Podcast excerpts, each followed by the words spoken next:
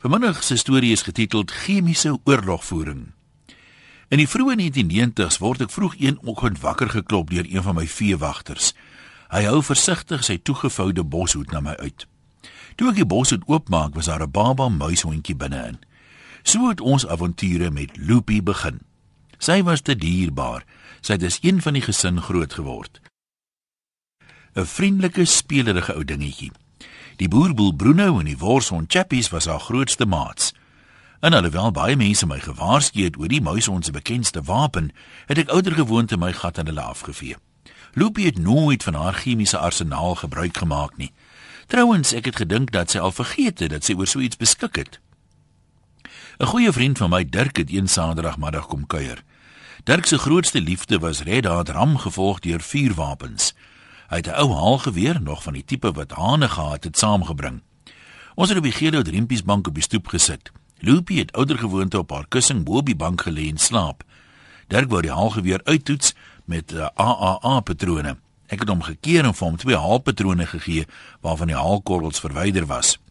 Hy het die geweer gelaai, die hane teruggetrek en die sneller gedruk. Absoluut niks het gebeur nie. Hy het dit 3 of 4 keer gedoen en die geweer wou nog steeds nie afgaan nie. Ek het uit die huis ingegaan vir ons vloeibare verversings gekry. Terwyl ek weg was, het Dirk weer die haalgeweer gelaai, maar die keer met die bokhaalpatrone. Ons het rustig gesit en gesels toe Dirk weer die haalgeweer optel na die sinkdak toe mik en die snellers druk. Die resultaat totale chaos. Die feit dat hy die sinkdak boer toe geskiet het, was die minste van ons probleme. Dinge het toe in die spoed van wit lig begin gebeur. Loopy het met 'n weersinwekkende kreet opgestyg soos 'n tol in die rondte gespin en haar chemiese wapen in die oortreffende trap in werking gestel. Mense, dit was verskriklik. Toe die eerste sarsie my tref, het ek onwillekeurig oor die stoepmuur geduik en die grond snoet eerste getref. Bruno die boerboel het opgespring en chunkend in die stoepmuur vasgehardloop. Hy het terselfdertyd 'n reuse aanval van Jippo guts gekry. Chappie se voorsond het 'n perfekte pirouette uitgevoer, gevolg deur 'n agteroor somersault wat hom 'n goue medalje op enige Olimpiese spele sou laat wen het.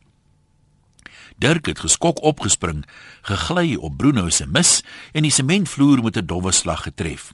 Hy het toe blitsvinnig die trappe afgeseil.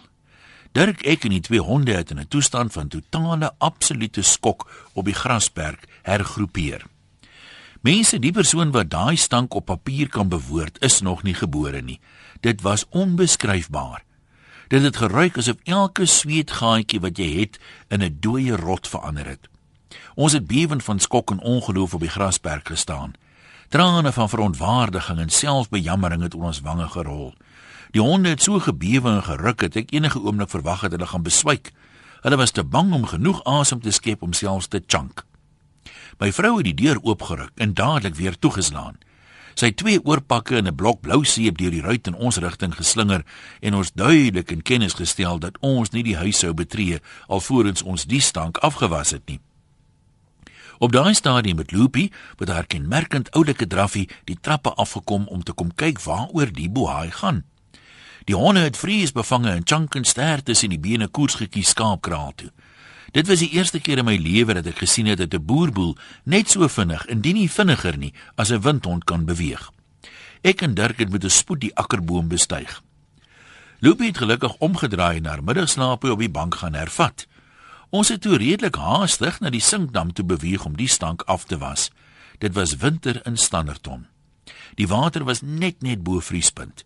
Dit het ons geensins geplan nie. Ons het ingeduik en dadelik begin was dit het nie baie gehelp nie. Ek dink dat hierdie Willplaas soos Old Spice die ouderend moet ruik in vergelyking met ons. Die honde wat redelik skrikkerig was vir water het instinktief besef dat indien hulle wou oorleef, hulle ook sou moes bad. Hulle het ook in die dam gespring. Nadat ons gewas en aangetrek het, wou ons die huis binne gaan. Die riller met wie ek op daai stadium getroud was, het volstrek geweier. James wat in die tuin gewerk het, het die klerasie wat ons ten tye van die aanval aangehaat het, op 'n hoop gehark met diesel deurweek en aan die brand gesteek. Ons het toe maar besluit om in die skeerskuur te gaan slaap. Gewapen met 'n sak stronke, 'n braaier, 'n pak wors en 'n bottel mampoer, het ons onsself maar tuis gemaak in die stoor. Dit was 'n droewige en 'n onvergeetlike nag. As die koue ons nie wakker gehou het nie, was dit die stank of die honde se nagmerrie oor die dag se gebeure. Ons het vroeg die volgende oggend weer in die sinkdam gespring. Hierdie keer het dit darm gehelp. Loopy het goddank tot haar afsterwe nooit weer haar chemiese wapen benut nie. Ek, Dirk en die honde het haar tot die einde toe met nuwe respek gekoppel met 'n doodse vrees beheer.